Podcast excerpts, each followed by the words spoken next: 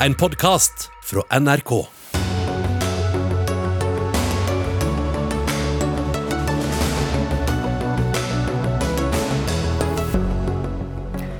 Har Fremskrittspartiet særlig ansvar for å ta avstand fra hatefulle ytringer på høyresiden?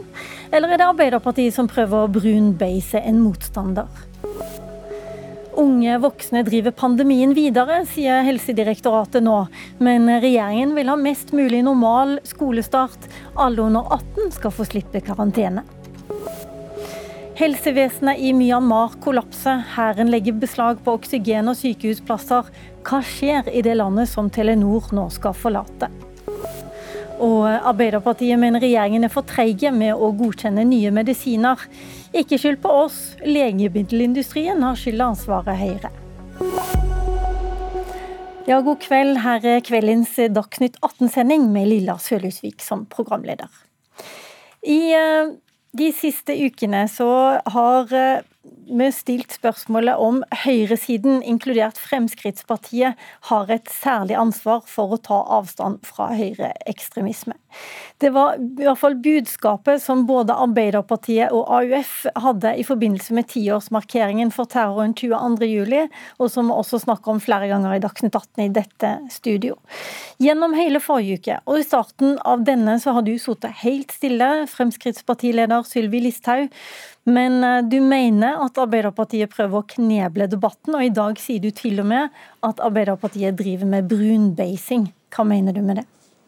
Ja, etter 22.07 i 2011 så var mantraet at vi skulle ha demok mer demokrati, mer åpenhet. Vi sto samla mot de ugjerningene og det forferdelige som ramma uskyldige mennesker i regjeringskvartalet. Og ungdom som var på Utøya og bare skulle være der og ha det gøy. Og ja, være på AUF-samling. Det vi har sett de siste åra er jo en dreining. Det første dryppet kom i 2017, da Støre var ute og sa at man skulle ta opp mer Frp sin rolle i dette her. I 2018 så var han ute med at han skulle bruke det mer. Og vi har sett nå gjennom det siste året der det stadig kommer drypp der Fremskrittspartiet da blir dratt inn i 22.07. Ikke bare fra Arbeiderpartiet, vi ser jo nå også kommentatorer. Vi ser at det florerer i kommentarfeltene at vi nærmest har et medansvar for dette. Og Det er et ansvar vi definitivt ikke tar. Det som har vært Fremskrittspartiets rolle i alle disse åra, ja, det er å være stemma i innvandringspolitikken som har tatt opp de utfordringene vi står i, som har turt å ta de vanskelige debattene, som som har pressa de andre partiene på banen. På hvilken måte mener du at Arbeiderpartiet Jeg bare prøver å, å, å, finne ut På hvilken måte mener du Arbeiderpartiet prøver å kneble dere? Er ikke det en invitasjon til å være med i debatten? Ja, vi ser jo nå, altså Støre var jo ute i Aftenposten her om dagen og sa det at det å være for null innvandring, det var innafor. Eh, og begynte da å tilta seg en rolle for hva som er innafor og utafor. Og det må jeg si at det er ikke Støres oppgave. Vi så jo nå også en lokalpolitiker i Arbeiderpartiet i Gausdal Arbeiderparti, når en av våre stortingsrepresentanter legger ut en post i går som tok for seg dette eh, ja, kravet særkravet som kom om at man skal steike halalburgere på egne, ja, egne stekeovner. Eh, og Det var vår representant negativ til. Så kommer det da fra denne lokallagsleder at dette er nok et innspill til fordel for Breivik sine tanker. Er det dette som er brunbeising, mener du? Ja, Hvis noen i Fremskrittspartiet hadde skrevet noe sånt, så ville vi blitt avkrevd en kommentar fra høyeste hold. Og jeg vil jo utfordre Hadia Tajik om hun syns det er greit at lokallagsleder i Arbeiderpartiet sitter og skriver noe sånt på Facebook-sine til våre stortingsrepresentanter. Kan ikke jeg bare først få lov til å spørre Hadia Tajik, som er her i studio, nestleder i Arbeiderpartiet. Eh, hva mener dere egentlig når dere sier at eh, Fremskrittspartiet og andre høyrepartier har særskilt ansvar for å ta avstand fra høyreekstremisme? Ligger det egentlig under her at eh, de har et ansvar også for terrorhandlingene 22.07? Nei, Og jeg vil være veldig tydelig på at jeg syns ikke at det er greit å sette Fremskrittspartiet i bås med Breivik. Det er bare én som har ansvaret for terrorangrepet 22.07, eh, og det er gjerningsmannen sjøl. Det alle vi andre har et ansvar for, derimot, det er hva slags samfunn det vi vil ha, hva slags offentlig debatt vi vil ha, hvordan vi bidrar til å forebygge ekstremisme. Og Derfor så vil jeg òg understreke at når vi skal diskutere ideologien og tankegodset i høyreekstreme miljøer, så kan det, det kan ikke ende opp med å handle om man, om man er for eller mot Fremskrittspartiet. Det, det, da tror jeg man gjør det nesten litt for enkelt for seg sjøl. Altså, det er jo ikke sånn det fungerer. Men det er klart at hvis alle har en rolle, og Fremskrittspartiet gjerne vil være med å diskutere disse rollene, så kan vi òg snakke om Fremskrittspartiet sin rolle. Eh, jeg syns at eh, det er veldig bra at eh, Sylvi Listhaug i kronikken sin i dag i Nettavisen tar veldig tydelig avstand fra organisasjoner sånn som SIAN og som Nordisk motstandsbevegelse. Men jeg skulle òg ønske at du tok enda tydeligere avstand fra det tankegodset som de bringer med seg. Eh, fordi det, vi opplever er at Noen ganger så tar Listhaug eller representanter i Fremskrittspartiet en del av de konspirasjonsteoriene som finnes i det tankegodset. Og da tror du vi må være mer konkret? Ja, De tar det inn i den norske politiske debatten. Et eksempel på det Altså Sylvi Listhaug er kanskje den eneste politikeren i norsk politisk historie som har måttet gå av som statsråd pga. en konspirasjonsteori som hun lanserte på sin egen Facebook-side. Altså Påstanden om at Arbeiderpartiet mener at terroristene sine rettigheter er viktigere enn nasjonens sikkerhet. Altså en påstand som er usann og en konspirasjonsteori. Et annet eksempel er ja, de holder seg med tillitsvalgte som, eh, som spør eh, om det ikke er på tide med et nytt eh, korstog. Korstogene var jo bl.a. kjent for massakrering og, og kriging. og jeg, jeg, måtte ta nesten litt for gitt at man, man står jo ikke inne for, for det. Og Listhaug tar jo veldig tydelig avstand fra en del ytterliggående organisasjoner. Og Da er det veldig viktig at man ikke gir støtte til det verdensbildet som disse organisasjonene representerer. Og det må Listhaug og Fremskrittspartiet Fremskrittspartiet tåle å høre? La oss ta én ting om gangen. Eh, Sylvi Listhaug, eh, du, tok, eh, du unnskyldte på Stortingets talerstol etter en del forsøk, vil dine politiske motstandere si, men du unnskyldte på talerstolen i Stortinget. Etterpå kom du med en bok der man lurte litt på om du egentlig beklaga denne posten på Facebook, der du skrev det der med at Arbeiderpartiet mener terroristenes rettigheter er viktigere enn nasjonens sikkerhet. Kan du avklare det for oss nå? Ja, altså det, Jeg beklager det, fordi jeg så at det skapte veldig sterke reaksjoner. Men den posten hadde ingenting med 22.07 å gjøre. Det var det en, en, rådgiver i Arbeiderpartiet som kobla.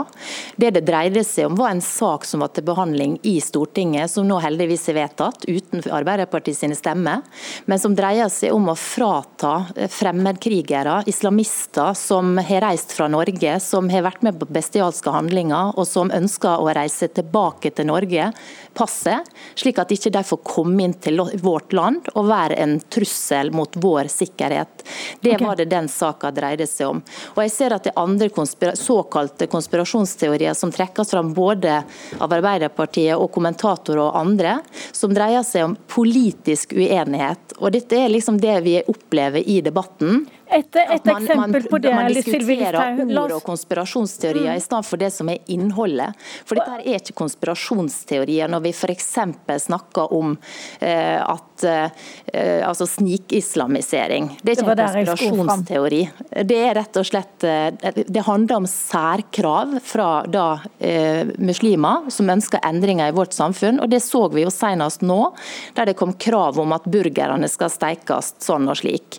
Så, så det er problemet når man sauser sammen dette her. Og jeg ser at Arbeiderpartiet har jo nå tydeligvis også en strategi, i hvert fall ifølge Dagens Næringsliv, om at man ikke skal diskutere innvandring med meg. Vet du hva, Sylvi Listhaug, vi skal komme tilbake igjen til det. Jeg har bare lyst til å ta én ting om gangen. Listhaug, et lite øyeblikk bare. Et lite øyeblikk, Listhaug møte i debatten. Han har jo vært veldig framtredende her fram til nå, men når det kommer til debatten her, altså, så møter ikke han opp. og Det synes jeg er veldig synd. Ja, vet du hva, Jeg avbrøt deg midt i det resonnementet, så det må du ta en gang til etterpå. Men kan vi ikke bare ta først dette med snikislamisering? Jeg skjønner så vidt jeg forstår nå da, så syns du det er et helt innafor uttrykk? Ja, altså Det det handler om er jo at man eh, da skal ha særkrav. Enten det er snakk om kjønnsdels svømmeundervisning. I Norge er det sånn at jenter og gutter de svømmer i lag. De er sammen i timene, enten det er det ene eller det andre faget. Eller det er snakk om passfoto, der det var en sak for en tid tilbake. Politiet sa veldig tydelig fra om at det er viktig at ørene viser på passfoto, for det handler om at det er en viktig markør for å se hvilken identitet et menneske har. Okay. Det overkjørte da politikerne fordi at man insisterte på at man skal kunne ha på seg hijab når man tar bilde. Da har du tatt tre eksempler på det, så nå tror jeg at ordet må gå videre til Hadia Tajik. Er snikislamisering eksempel på det du mener er en konspirasjon? Eh, det er i hvert fall en kjent konspirasjonsteori. Men for å ta helt konkret de eksemplene som Listhaug bringer på banen, jeg er mot kjønnsdelt svømmeundervisning. Det er Arbeiderpartiet òg.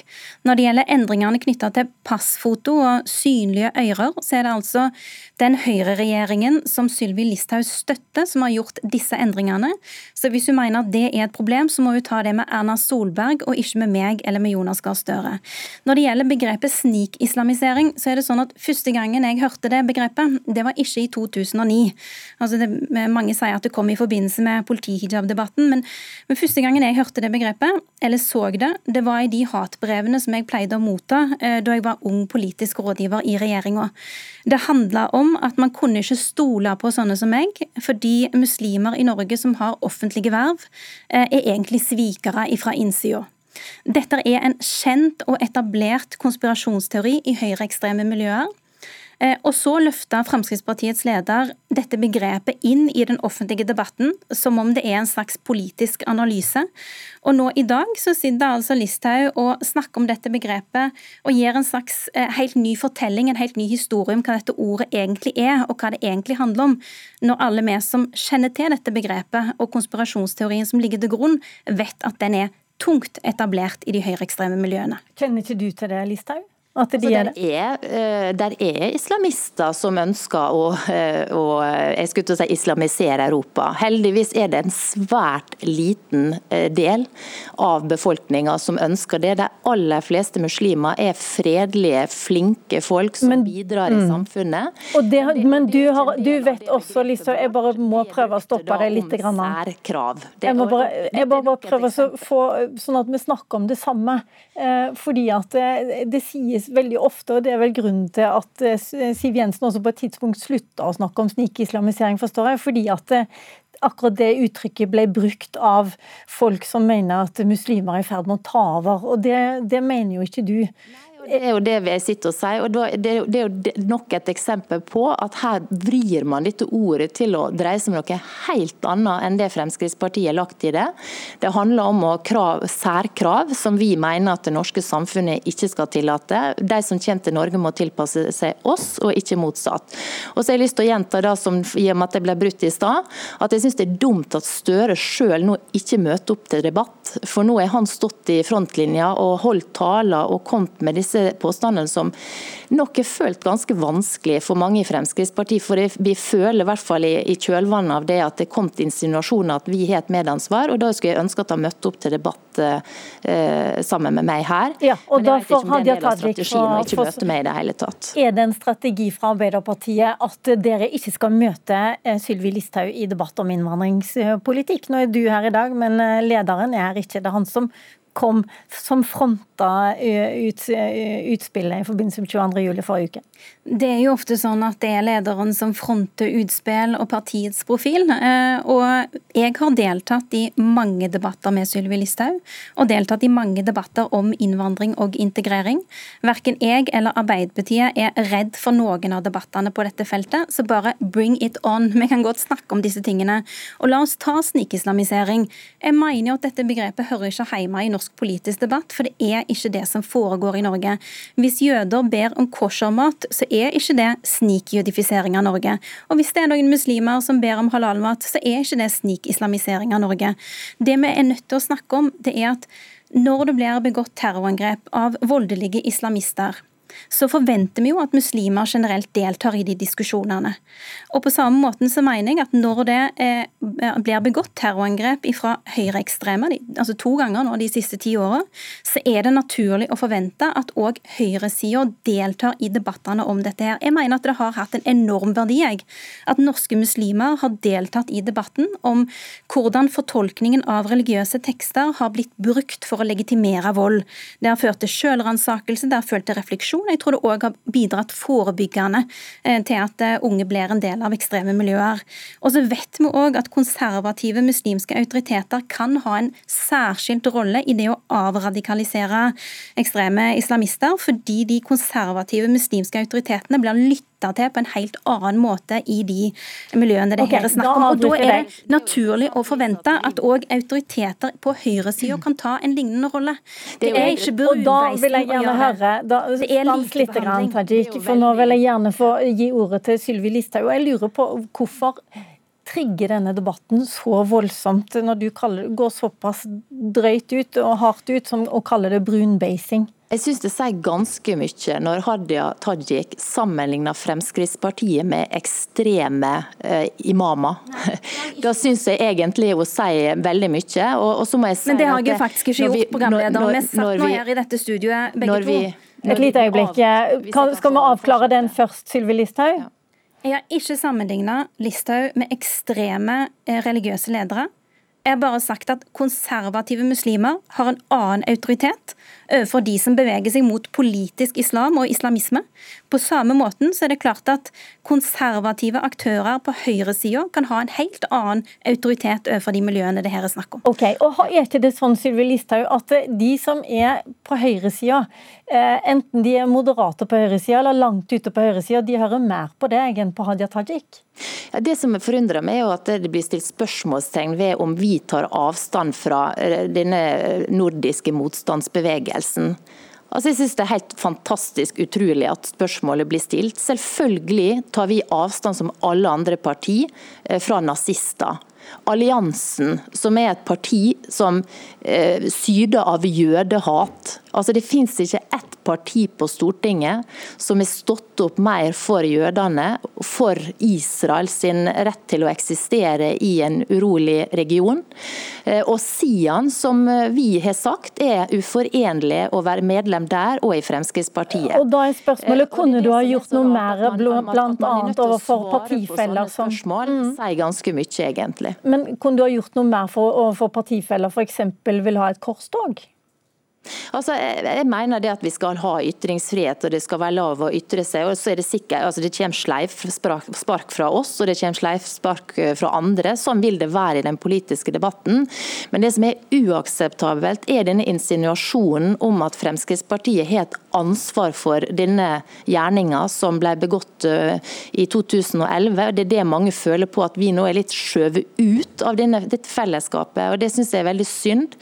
For det var jo nettopp det man greide i 2011 2011 at vi sto sammen mot dette eh, forferdelige som skjedde, mot at dette kunne skje i Norge. og Vi vil selvfølgelig bidra med lovendringer, eh, øke straffenivået, gjøre det vi kan for å forebygge terror, enten det kommer fra høyreekstreme eller det kommer fra islamister framover. Vi er mer enn rede til å gjøre endringer i lovverket, som vi viste at vi var. Okay. Eh, F.eks. når det gjaldt å frata terrorister statsborgerskapet, passet, når de var på vei tilbake til Norge. Hadia Tajik, det var Arbeiderpartiet som åpna opp og ønska seg et oppgjør. Syns du at du, du, møter Nå har jo uh, Sylvi Listhaug tatt, uh, tatt, avstand fra flere radikale organisasjoner som dere har etterlyst tidligere? Det syns jeg er bra. Um, og jeg håper jo at vi at, vi kan fortsette å stå sammen om de nødvendige diskusjonene. Men jeg skulle ønske som sagt, at hun klarte å ta avstand fra tankegodset, og ikke bare organisasjonene. fordi vi ser jo at resultatet av Sylvi Listhaug sin f.eks. Facebook-oppdatering, den konspirasjonsteorien om at Arbeiderpartiet var mest opptatt av terroristene sine rettigheter, eh, det utløste nesten tre ganger så mange saker om hatytringer som Kripos sin nettpatrulje var nødt til å ta tak i. Og Kripos sin nettpatrulje sjøl sa til Aftenposten at de mente at Listhaug Listhaug sin Facebook-oppdatering var grunnen til det. Ok, og Da og tror jeg at vi er rett og slett tilbake igjen til et annet sted vi var i denne debatten. Jeg må si tusen takk både til Sylvi Listhaug, som er med oss fra Bergen, og det er derfor jeg sitter og overdøver litt mye, og må avbryte litt mye også. Og tusen takk til deg, Hadia Tajik, som har vært med her i studio i Oslo. Og da skal jeg vende meg til to kommentatorer som har fulgt denne politiske debatten. Og vi begynner hos deg, Hanne Skartveit. Du er politisk redaktør i VG. Og ble det tydelig nå for deg hva dette oppgjøret som Arbeiderpartiet har etterlyst, dreier seg om? Det er nok litt vagt, og det er nok også for at det er litt vagt for Arbeiderpartiet. for de vil jo, er, Jeg tror det er uenighet om i hvilken grad de på en måte skal angripe Frp, eller om de skal diskutere høyreekstremisme, de ekstreme ytterkantene av ytre og høyre. Siv Sandvik, du er også med, politisk redaktør i Adresseavisen. Du, ble det litt tydeligere for deg hva dette oppgjøret dreier seg om? Jeg syns igjen at det er flere debatter som pågår eh, samtidig. Eh, det ene er jo å, be at Atadia Tajik utfordre Sylvi Listhaug på f.eks. begrepet snikislamisering. Det er konkret. Da gir hun eh, Listhaug en mulighet til å si hva de egentlig mener med det, og så har vi en eh, reell politisk eh, diskusjon om det er en konspirasjonsteori eller, eh, eller ikke.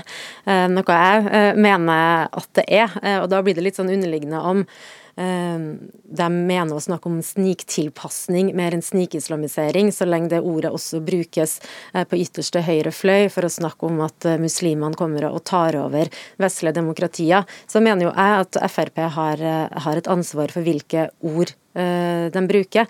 Men den debatten er, er konkret, eh, og den er, den er lett, det er lett å forstå hva Arbeiderpartiet etterlyser fra Sylvi Listhaug der. Og så står selvfølgelig Listhaug og Frp fritt til å, til å hevde og mene at de skal, skal bruke det ordet. Men når det gjelder at den store høyresida skal ta et ekstra ansvar uh, for å ta avstand og ta et oppgjør med høyreekstremismen, så har vi jo sett i debatten at det er mange Høyre, ikke bare Fabian Stang, som er uenig i det. De opplever ikke at alliansen eller andre eh, nynazistiske organisasjoner er deres bakland. Eh, og akkurat det syns jeg også er lett å forstå. Jeg tror ikke de hører mer på Erna Solberg eh, enn på Jonas Gahr Støre. Hanne Skartvedt, du har faktisk gitt Arbeiderpartiet rett i at eh, det er eh, riktig å forvente mer fra høyresida når de skal ta avstand fra høyreekstreme holdninger. Syns du at du hørte det fra Sylvi Listhaug her i dag? Nei, jeg syns ikke det. Hun har eh, tatt avstand fra organisasjonene, men det er klart eh, hun har også, eh, som jeg har vært inne på, brukt begreper som snikislamisering og står fast på det.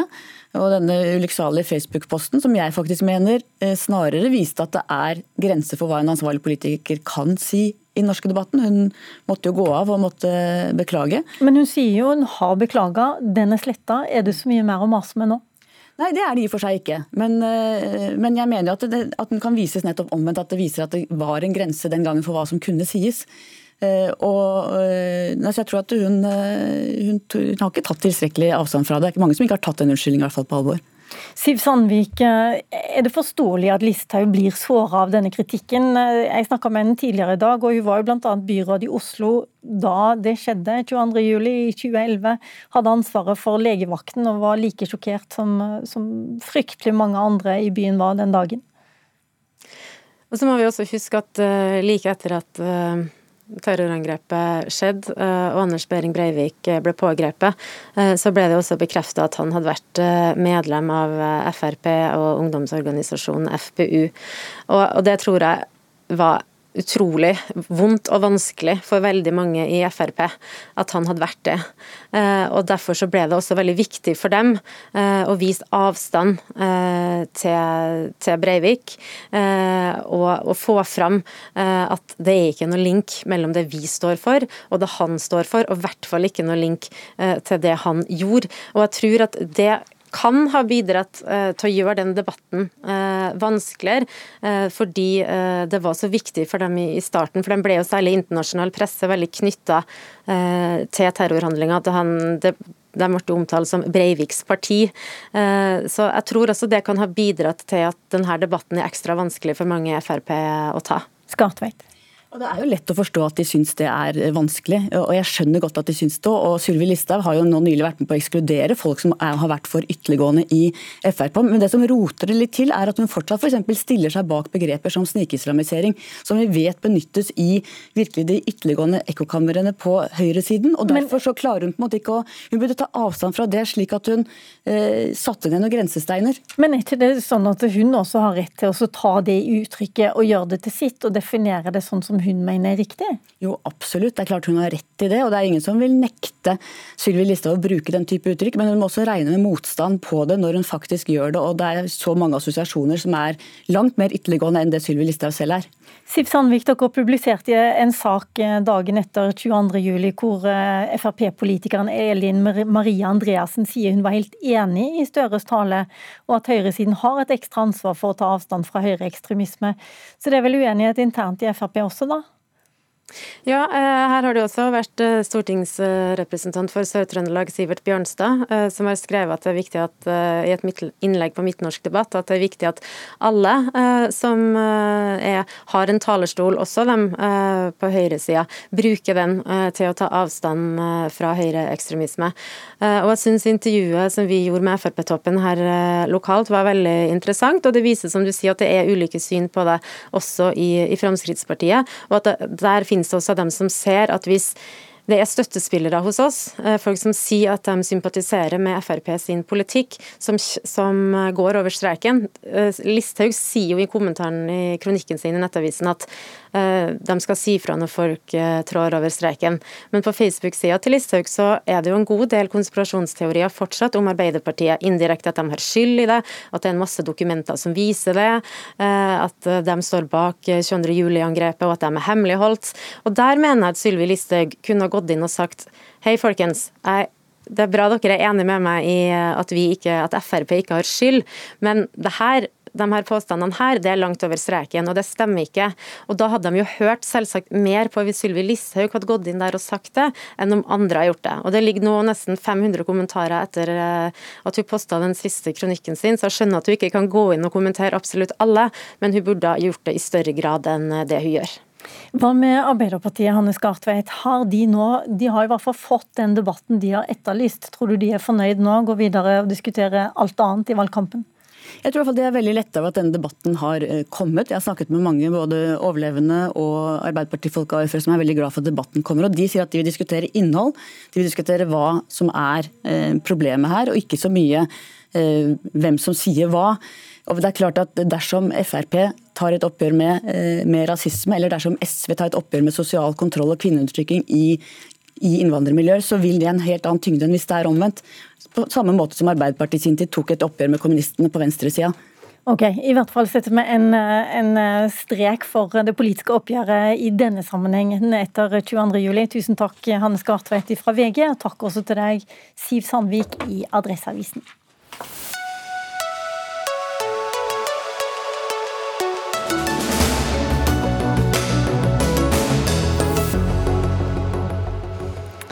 Fra 16.8 skal barn og unge under 18 år bli unntatt plikt til smittekarantene hvis de kan vise en negativ koronatest. Det sa helseminister Bent Høie på en pressekonferanse i dag. Samtidig så øker spredningen av delta-varianten, og trinn fire, som skulle eh, føre oss tilnærmet normale tider, er utsatt enda en gang. Og Saliba Andreas Korkorn, du er statssekretær i Helse- og omsorgsdepartementet. I Norge så er det jo voksne som får vaksine, mens barn under 18 år ikke får. Hvorfor skal ikke de bli eh, vaksinert? Eh, vi har jo etter råd fra FHI og Helsedirektoratet sagt at vi planlegger for at 16- og 17-åringer skal kunne vaksineres etter at hele den voksne befolkningen er ferdig vaksinert. Den endelige beslutningen rundt det den tar vi i september på bakgrunn av oppdatert informasjon fra FHI. Så det ligger an til at 16- og 17-åringer skal vaksineres slik det er nå. Akkurat. Det er nytt i dag. Nei, det er ikke nytt. Ikke det? det? Før sommeren. Ja, nettopp. Ja. Men, eh, men, hvordan skal det være da i starten av skoleåret? Skal det være sånn at eh, halve klassen på andre trinnet på videregående de skal i karantene, mens andre halve klassen ikke skal det? De som, de som ikke har fylt 18, de skal, de skal få slippe karantene? Regelen fra 16.8 blir at alle under 18 år de slipper karantene dersom de følger testregimet fra kommunen, med unntak av hvis familiemedlemmer de bor med er syke eller kjærester osv. Og så vil kommunen kunne gi en dispensasjon for også elever over, eller personer over 18 år, typisk da videregående skoleelever, eh, for å unngå nettopp det du sier. Slik at også eh, f.eks. videregående skoleelever på 19 år da, eh, skal slippe karantene og bruke testregime. Hvordan fungerer det? Hvordan skal man søke kommunen, eller hva, hva Nei, da, Det er jo dyktige smittesporere som tar kontakt ved utbrudd, som da kan si at du, du er 19 år, du går i den videregående skoleklassen sammen med mange andre 18-åringer. De slipper, da skal du få slippe også? Ja, altså Målet med dette eh, det er jo rett og slett å sørge for at skolene eh, kan være på grønt nivå. Eh, vi har hele veien sagt at barn og unge skal prioriteres først, og det fortsetter vi med. og Det er nettopp derfor vi gjør dette. og Det er for å slippe at når vi nå forhåpentligvis har flest mulig skoler på grønt nivå, at veldig mange klasser skal i karantene dersom det blir smitteutbrudd. Da må jeg spørre deg, Gunn Peggy Knutsen, som er assisterende direktør i Folkehelseinstituttet. Hvorfor har så uendelig mange eh, skoleelever vært i karantene nå i halvannet år, hvis det egentlig ikke er så farlig likevel? De kan slippe karantene? For det første så har vi en litt uh, annen situasjon nå, uh, hvor vi har kommet veldig langt med vaksinasjon av den øvrige delen av befolkningen. og Det er også med på å beskytte denne uvaksinerte delen. Så det dere egentlig sier, er at grunnen til at alle har sittet i karantene, det er ikke for egen del, det er for å beskytte de andre? Det er flere grunner til det. Karantene er eh, et, eh, et, veldig godt tiltak som vi har brukt eh, mye, men som vi nå pga. situasjonen, særlig med vaksinasjon, tenker at vi, vi bør kunne endre til et testregime. Og så er det viktig å understreke at hva, hva betyr det, et testregime? da? Ja, for det, det, er viktig å få fram at det at man går over til et testregime, betyr ikke at det er noe økt risiko for, eh, for smitte. Eh, testregimet eh, det betyr at vi skal teste jevnlig for å fange opp smitteførende elever. da. Ja, hvordan skal, det, skal man teste uten å ha noen mistanke om at man er smitta, eller hvordan skal det foregå? Ja, det er det. Vi skal detaljere ut noen alternative testregimer. Og vi vil mest sannsynlig nyansere det litt eh, ut ifra aldersgrupper også. Men det kan Men eh, du må, være, du må fortelle oss litt sånn måter gjøre å gjøre det på? Eh, det kan være f.eks. daglig testing med hurtigtester, eller annenhver dag med PCR-test i en kort periode. Og dette kan være klart fra skolestart av? Det er det som er tanken, ja. Mm. I VG akkurat nå, eh, Bjørn Gullvåg, helsedirektør, så er din assisterende direktør Espen Nakstad ute og sier at eh, det er de unge voksne som nå driver smitten framover. Hvordan rimer det da med dette med at eh, unge voksne, 17-åringer, ikke skal i karantene? Ja, Det er jo de eh, som er eh, mellom 13 og 19 år, og de som er mellom 20 og, 20 og 34 år som nå har høyest smitteforekomst. Og Det er jo ikke noe rart, for det er jo de som er eh, uvaksinert. Og så vil det være sånn at det er et samspill mellom de som er unge og befolkningen for øvrig. Så jo flere, som Gunn Peggy Knutsen også la vekt på, jo flere i den voksne befolkningen som er vaksinert, det vil også være beskyttende overfor barna og vil hindre at man får en stor smittespredning blant eh, de som er barn. For Det som har skjedd nå under pandemien ellers, det er jo at eh, barn som smitter videre, veldig ofte smitter videre i familien. Og da tar noen i familien dette videre, f.eks. ut i samfunnet andre steder. Den eh, smittekjeden er jo nå brutt. Og det vil også hindre at andre familier igjen smitter barn. Så på den måten så tror vi at det å ha et testregime kan fungere veldig godt som en erstatning for for karantene i denne aldersgruppen når en tilstrekkelig stor del av den voksne befolkningen er vaksinert. Hvordan er det med lærerne? Nå snur jeg meg til deg, statssekretær. Hvordan er det med lærerne?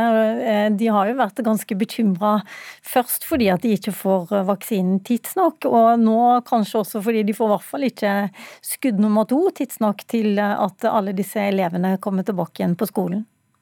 Eh, vi har jo sørget for, eh, eller lagt opp til, at kommunene skal kunne vaksinere eh, alle lærere slik at de er definert som beskyttet til skolestart.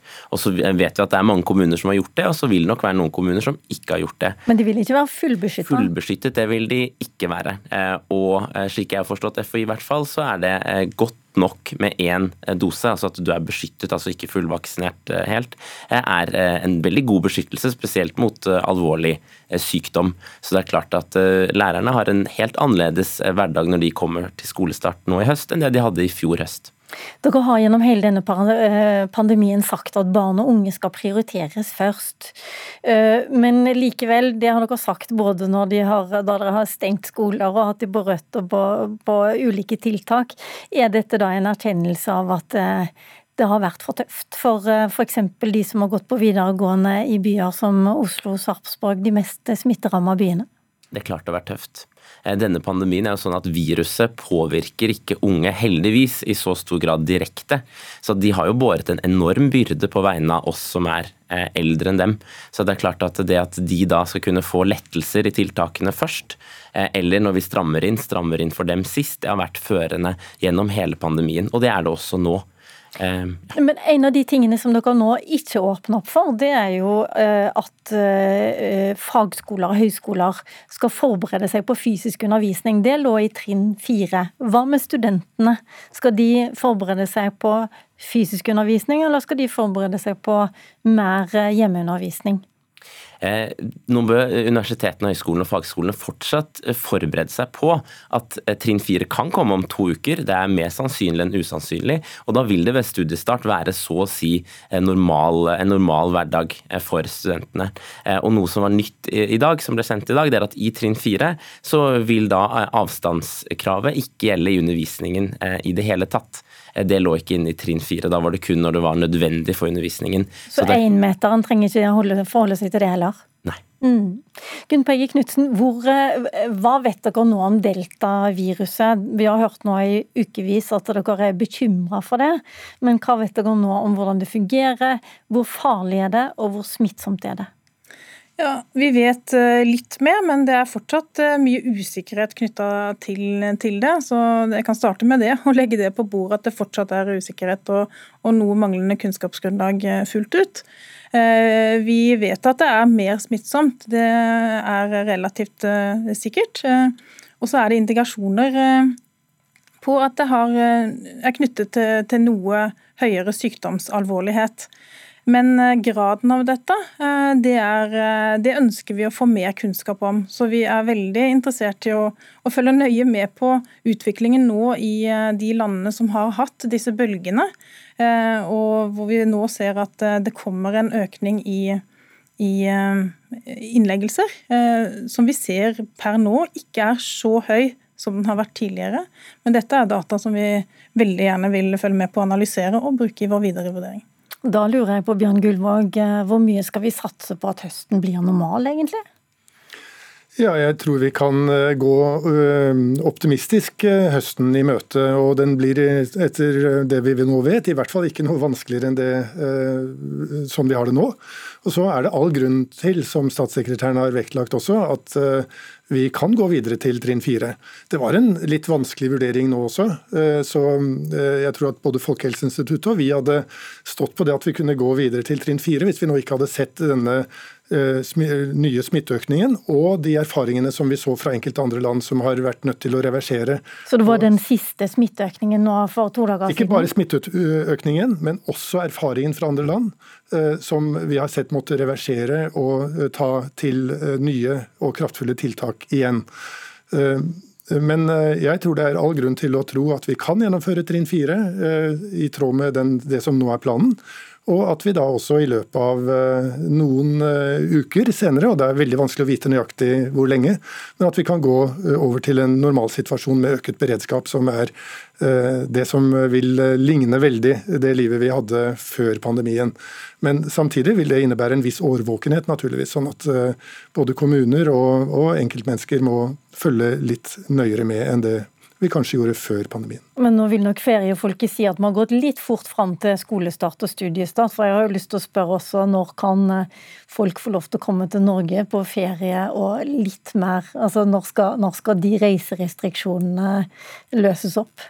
Ja, nå er det jo regjeringen som bestemmer tempoet her, men fra vårt ståsted så er det jo naturlig å se de um, reguleringene vi har innenlands uh, i sammenheng med med innreiseregimet. Og Derfor har vår anbefaling vært at dette skjer parallelt. altså At man gjør eventuelle nye vurderinger når man letter i innenlands, som vil være i forbindelse med trinn fire. Så det kan skje om to uker, det også? Det kan skje, og der vil jeg kanskje si at eh, Saliba er ja. kanskje den rette å spørre. For... Har du lyst til å spørre, snakke, svare litt på det? Kan vi forvente flere utenlandske turister til Norge i august? Eh, altså Svaret på det er jo egentlig ja, fordi eh, det kan vi allerede nå. Hvis du kommer fra et grønt land i Europa, så har du rett til å komme inn til landet. Eh, om du er fullvaksinert. Det er ikke så mange grønne land, det er vel problemet? Eh, ja, det er fortsatt en god del. Eh, men det viktigste er jo dette EU-koronapasset, altså, unnskyld, koronasertifikatet. Eh, så hvis du er fullvaksinert eller har gjennomgått covid-19 de siste seks månedene, så har du både rett til å komme inn til landet, og du slipper karantene. For er du fullvaksinert, er du veldig godt beskyttet også mot delta-varianten. Så at allerede nå er det mulig å komme inn. Men det er klart, eh, vi er strenge. Eh, vi krever at det er verifiserbart, og du må være fullvaksinert. Det er viktig for oss. Ok, Om to uker er dere hjertelig velkommen tilbake. Da er dere kanskje enda litt mindre strenge. Tusen takk for at dere kom i dag.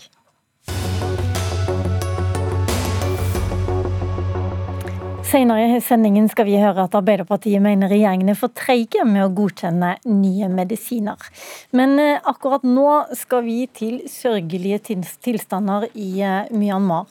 I dag ble det kjent at Telenor klages inn til eh, OECD etter at selskapet solgte seg ut av Myanmar. Kjøperen av Telenors virksomhet der skal ha finansielle bånd til militærjuntaen, framgår det av det offisielle klagebrevet. Flere hundre sivilrettslige organisasjoner stiller seg bak den klagen på den norske telegiganten. Og eh, Vi har spurt Telenor om å komme her i kveld, men de sier at de ønsker å svare OECD før de svarer oss, og de vil derfor ikke stille i debatt. Men heldigvis er du her, Kristian Stokke. Du er professor ved Institutt for sosiologi og samfunnsgeografi ved Universitetet i Oslo, og du kjenner forholdene i Myanmar svært godt. Hva tenker du om den klagen som nå er kommet på Telenor? Ja, Det er ikke overraskende. Altså, Det som Telenor nå har gjort, er veldig kontroversielt og har eh, skapt sterke reaksjoner i Myanmar. Også fordi mange ønsker at Telenor skal fortsette å operere i Myanmar. Det som det klages på, det er at det stilles spørsmål om Telenors aktsomhet når de selger til M1 Group, eh, og hva hva de har vurdert i forhold til det, om, omkring eh, M1s relasjon til militærjuntaen og menneskerettighetene for Telenors kunder. M1 er et libanesisk selskap. Hva vet du om dem egentlig?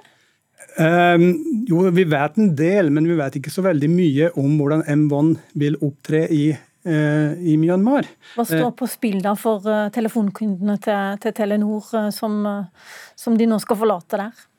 Det mest opplagte er spørsmålet hva som skjer med trafikkdataene, altså det som Telenor har av trafikkdata, eh, og hvordan eh, M1 vil forholde seg til direktiver fra militæret, inkludert eh, utlevering av trafikkdata og installasjon av overvåkningsprogram på trafikk, datatrafikk og telefonsamtaler i sanntid. Så det, det, Telenor kritiseres for uklarhet omkring aktsomhetsvurderinger, uh, manglende åpenhet og manglende konsultasjon med sivilsamfunn og sine kunder i Myanmar. Men nå burde selvfølgelig Telenor ha vært der, men altså, hvor mye krav kan du stille til et kommersielt selskap om at de skal ta eh, på en måte hensyn til et land som er helt i kne akkurat nå? Ja, det, det og bare skal være ja. der, liksom, selv om forholdene er så mm. dårlige som mm. de er?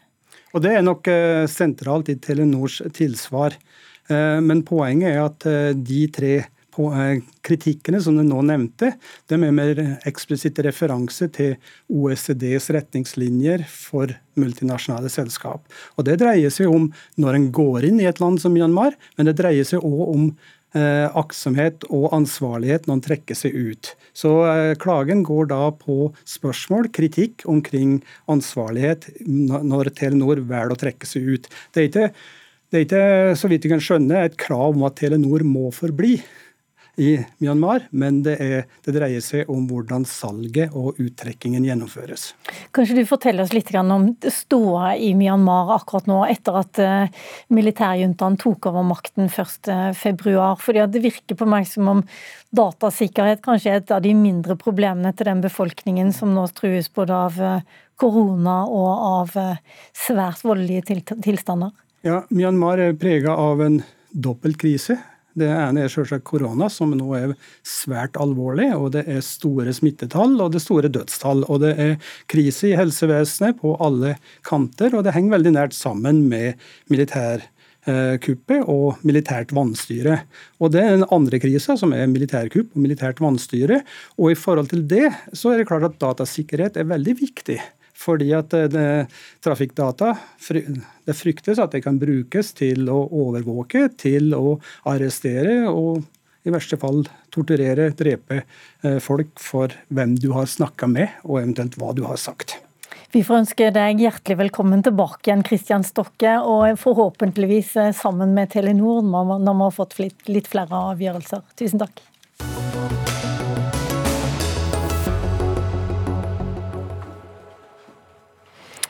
Vi kjenner til og har hørt mange lignende historier. Pasienter blir nekta livreddende medisiner som er godkjent og i bruk i utlandet. Og du mener regjeringen må få opp farten.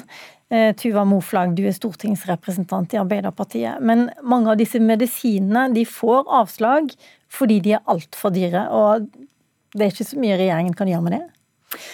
Nei, altså For det første så syns jeg jo at det i det siste har vært veldig mange eksempler på legemidler som kan redde liv, som norske pasienter ikke får tilgang til. Og Man blir jo utrolig fortvila når man har en alvorlig sykdom og ser at pasienter i land rundt oss får tilgang til behandling som man ikke får i Norge. Kan du gi oss et eksempel på noen som du virkelig syns burde fått uh, behandling? Altså, det har jo vært mange eksempler denne våren. Eh, det er jo cystiske fibrosepasienter som har vært et, et, eksempel som har vært oppe. Det har vært hjertemedisin, det har vært Luxturna, denne behandlingen for, eh, som kunne forhindre at man ble blind, hvor det også var store innsamlingsaksjoner som jeg mener også var debatter om her i studio. Så det er mange eksempler på eh, legemidler. Eh, men så blir det jo da sagt at problemet her handler om pris og at det er for dyrt, men det er det veldig vanskelig for oss som både politikere og journalister å ha en kontroll med. Fordi det er ikke åpenhet om legemiddelpriser i Norge, så det blir veldig vanskelig for oss å vurdere om det er for dyrt eller ikke, eller hvor det stopper opp. Men vi har jo en ambisjon om at eh, Norge skal ha verdens beste helsetjeneste. Og den, den ambisjonen mener jeg virkelig at vi kan ha. Det er vår felles helseforsikring. Det er i Norge at vi har et sterkt offentlig helsevesen. Og det er sikkert Høyre helt enig med deg i, men hva mener du regjeringen må gjøre for å få det?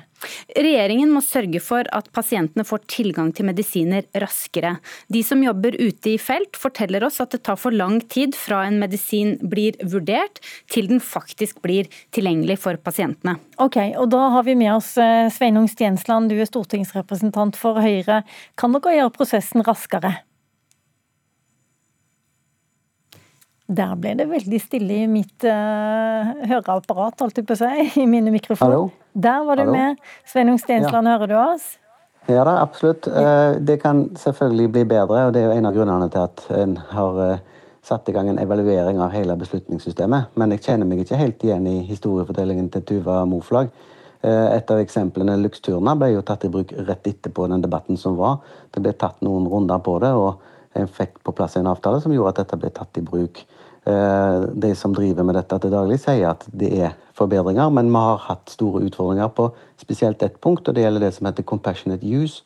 Nemlig eh, de helt nyeste legemidlene. Der har det vært litt for tregt i Norge, men det har vi òg fått på plass en bedre avtale mellom legemiddelindustrien og norske myndigheter. Men når du men, eh, sier det, Stensland, så høres det jo ut som om ja, hvis vi tar flere debatter, så går det fortere. Hvis man vil, så går det fortere. Ja, Det vil jo alltid være en debatt eh, når ting ikke kommer når en vil, sånn som f.eks. Spinraza-saken, som var ganske heftig for noen år siden. Da var det jo snakk om kraftige prisreduksjoner som kom på plass eh, etter et massivt press. Eh, så press virker. Det en gjør hvis en bare sier at jo, alt skal settes i gang i Norge med en gang, det en gir jo fra seg alle forhandlingskort. Og industrien vil jo da vite at i Norge der slipper vi til uansett, så prisen betyr ikke så mye. Her kan vi bare gønne på med full pris. Ja, eh, vi kan, høre, vi, vi kan høre, litt med Tuva Moflag. Det er vel også sånn at hver gang du sitter her i dette studio, eller Fremskrittspartiet som også har vært opptatt av dette, sitter her og sier at dette må gå raskere, så vet legemiddelselskapene at eh, de har litt bedre forhandlingskort. Det er helt riktig at det alltid må skje prioriteringer i helsetjenesten. Og uansett, det skal vi erkjenne og være ærlige på, at uansett hvilken regjering vi har, så vil det være eksempler på at man får nei til behandling.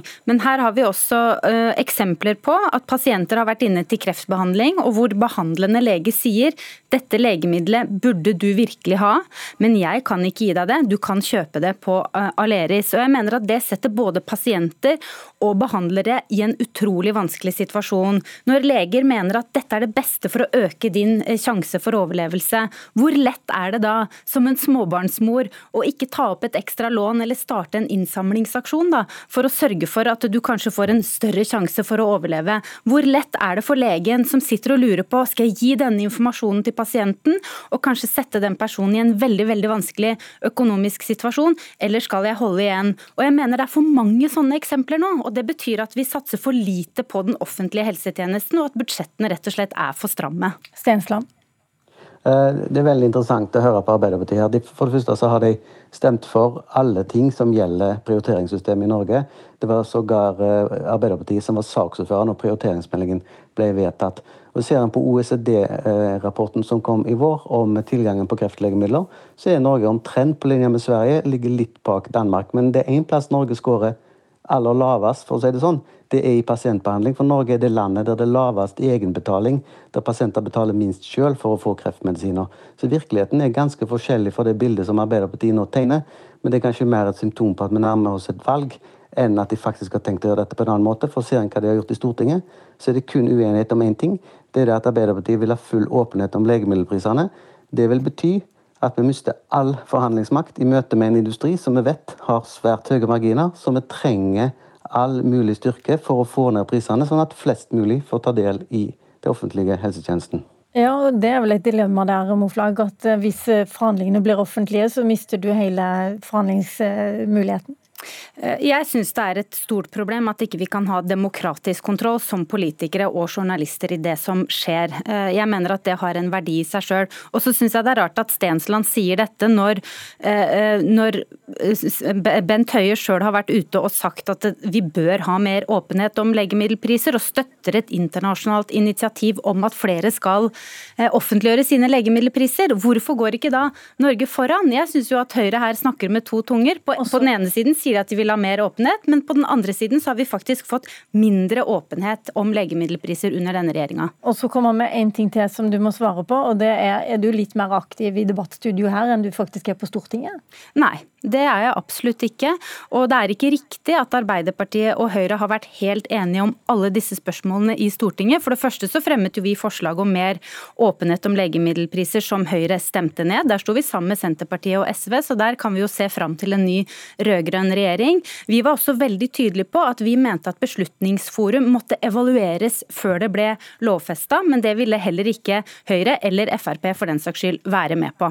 Ok, Enten det gjøres på den ene eller andre måten, så får vi lyttere og seere i hvert fall håpe at tempoet går opp. Tusen takk, Tuva Moflag fra Arbeiderpartiet. Takk også til Sveinung Stensland, som er helsepolitisk talsperson i Høyre.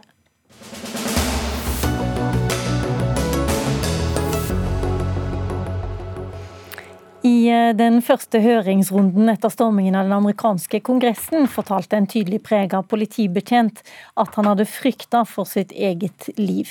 De dramatiske vitnesbyrdene var starten på flere høringsrunder som skal komme fram til hva som egentlig skjedde 6.1, og dette her var i går kveld. Lars Os, eh, vår korrespondent i USA, som akkurat nå er i Las Vegas. Hva for noen reaksjoner har kommet i USA etter denne høringen?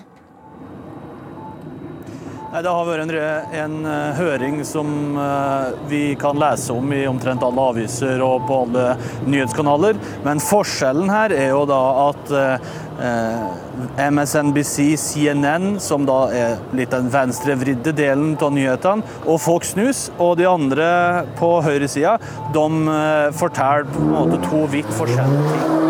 Litt av grunnen til det er rett og slett fordi at uh, selve høringa har blitt veldig politisert. Og det, det, kan vi spore helt tilbake til selve dagen. Men kjernen i det er at Nancy Pelosi, som er majoritetsleder og speaker of the house i Representantenes hus for Demokratene, hun valgte å ikke ta med to av de fem forslagene som republikanerne ville ha med i, i høringa. Og det gjorde at republikanerne trekte seg helt, og dermed så Eh, pekte Pelosi på to andre republikanere som er forholdsvis negative negativ til Donald Trump og, og, og til 6. januar. Jeg må bare stoppe deg der, Lars. fordi at jeg må stoppe deg, fordi at eh, i tillegg til den heftige trafikken du står ved siden av, så kom det nå et fly over hodet på deg. Så jeg, mens jeg håper du kan flytte deg litt, så snakker jeg med Sofie Høgestøl, som sitter her i studio med meg. Førsteamanuensis i rettsvitenskap ved Universitetet i Oslo og USA ekspert her i NRK. Eh, hva tenker du om denne høringen, som jo var trist for alle som så på, men det er vel ikke, så, det er vel ikke alle i USA som ser på dette? Nei, og det er eh, litt som Lars var inne på, det er jo det som er problemet her. er At man har jo ikke engang greid å nedsette en ordentlig tverrpolitisk komité for å granske dette. Det som har skjedd, er at eh, demokratene i første omgang ønsket en sånn ordentlig fullverdig uavhengig gransking. Det fikk de ikke gjennom Senatet. Der, der var det ikke nok republikanere som støttet om det. Og da har man landet på denne parlamentariske komiteen som man har så i går. Eh, og Der skulle man, som Lars sa, egentlig ha fem republikanere. Eh, men Nance Pelosi sa nei til to av de, og da sa uh, replikanske lederne i Kongressen at ok, men da trekker vi alle medlemmene våre. Og så gikk Pelosi bak i ryggen til replikanerne og pekte på, eller spurte to replikanere om de var villige til å sitte i komiteen. Uh, og de takket ja. Så allerede før man har begynt, så har det jo blitt så, så har det, altså, samarbeidet bare totalt falt fra hverandre. Det har det jo vært lenge, da. det var to kontroversielle republikanere også? Ja, eller det som er ja. ironi når du sier kontroversiell, er at Liz Cheney hadde jo sagt til meg for to år siden at hun skulle bli kontroversiell, så hadde jeg ikke trodd det. Hun er jo klassisk republikaner, kommer fra en sterk republikansk familie. Hun satt jo selv i lederskapet til republikanerne inntil nylig, men ble kastet for det hun forteller sannheten om det som skjedde under 6. januar, blant annet. Og også fordi hun har vært utrolig tydelig på hvor farlig hun mener det er at Trump undergraver demokratiet i USA ved å snakke om at valget ble stjålet fra han. Du fulgte høringen i går. Hva gjorde mest inntrykk? Eh, det var jo helt klart vitnemål til disse fire offiserene som vitnet i går. Og det, det, er lett å glemme, for februar føles jo så lenge siden, særlig under pandemien. Men det er jo slik at det er flere politipersoner som var der 6.1, eh, som har begått selvmord i etterkant eh, pga. den psykiske belastningen de opplevde. Så det å høre de vitnemålene var veldig sterkt. Og du så også at det var Komitémedlemmene gråt åpent, og det gjorde også de fire som vitnet. Og de var veldig tydelige i det de forventet av komiteen. De ønsker en eh, komité som skal virkelig ettergå hvordan noe sånt skulle skje, og komme til sannheten om hva som har skjedd og hvem som står bak. Men da er det vel også sånn at eh, de republikanerne som ikke ønsker å være der, de de snakker kanskje om politiske motiver da, hos disse politifolkene, eller? Ja, altså, jeg er helt enig med Lars at hvis du ser på noe av pressedekningen, så var den vidt forskjellig. Altså, jeg så på litt av det Fox News snakket om i går kveld, og da, da var det en av disse panditene som de har om kvelden, som, som, ga ut priser for beste skuespill, for han følte at de spilte disse politioffiserene når de vitnet i går. Det sier jo litt om hvor um, Særlig fordi det replikanske partiet tradisjonelt har vært et politiparti. Så det er litt interessant å se de ikke være på siden av de politioffiserene som var eh, i Kongressen den dagen. Nettopp. Men altså, eh, var det ikke også noen som sa der at eh, det var ikke noe storming av denne kongressen, de var egentlig på sighting? Ja, og det har jo, det har jo vært problemet hele tiden. Man, ikke, man, bruker jo ikke fellesord for dette. På den ene siden har demokrater og også noen av de politioffiserene som vitnet i går, som kaller det terrorangrep. På den andre siden har du hatt folkevalgte i Kongressen som har eh, sammenlignet det som skjedde, med en turistomvisning i Kongressen. Og jeg har jo selv vært på sånne turistomvisninger i Kongressen, og de var litt annerledes enn det som skjedde 6.1. Og han som sa det eh, for noen måneder siden, han ble konfrontert det i går, for det trakk en av politioffiserene frem som noe de syntes var ekstra vanskelig at det ikke blir trodd på av folkevalgte uttalte, og han sa at han står ved de kommentarene. Demokratene er vel omtrent enige om alt som har skjedd, mens republikanerne, hvor splitta er de? Det er jo det vi ser nå, for nå begynner det å bli en stund siden. Det har gått flere måneder. Og det jeg syns er spennende, men også skremmende, det er at når du har meningsmålinger og spørreundersøkelser om hva republikanere tenker om dette, så er det fortsatt 66% som svarer konsekvent i de aller fleste menings- eller spørreundersøkelser at eh, valget ble stjålet fra Trump. Og du kan jo ikke løsrive det som skjedde 6.1, med denne konspirasjonsteorien om at valget ble frastjålet fra Trump. Eh, og Det viser jo at når to tredjedeler av republikanere fortsatt fastholder at valget ikke var legitimt vunnet av Biden, så viser det den dype splittelsen som er det republikanske partiet, og også den vedvarende demokratiske krisen som USA er inne i. Det er vanskelig for meg å kalle det noe annet når du har en så stor andel av et av partiene som ikke er villig til å anerkjenne valgresultatet, og som da ikke er villig til å ettergå vold. Og veldig kort til slutt, eh, Donald Trump han eh, håper å komme tilbake? Ja, det gjør han. Det gjør han. Tusen takk skal du ha, eh, Sofie Høgestøl, som er førsteamanuensis i rettsvitenskap ved Universitetet i Oslo. Jeg må rett og slett bare si at vår tid i Dagsnytt 18 er i ferd med å gå over. Ansvarlig for sendingen i dag, det var Anne Katrine Førli. Teknisk ansvaret hadde Ragnhild Bjørlykke. I studio satt sommervikar Lilla Sølhusvik, som takker for nå denne gangen. Du har hørt en podkast fra NRK. Hør flere podkaster og din favorittkanal i appen NRK Radio.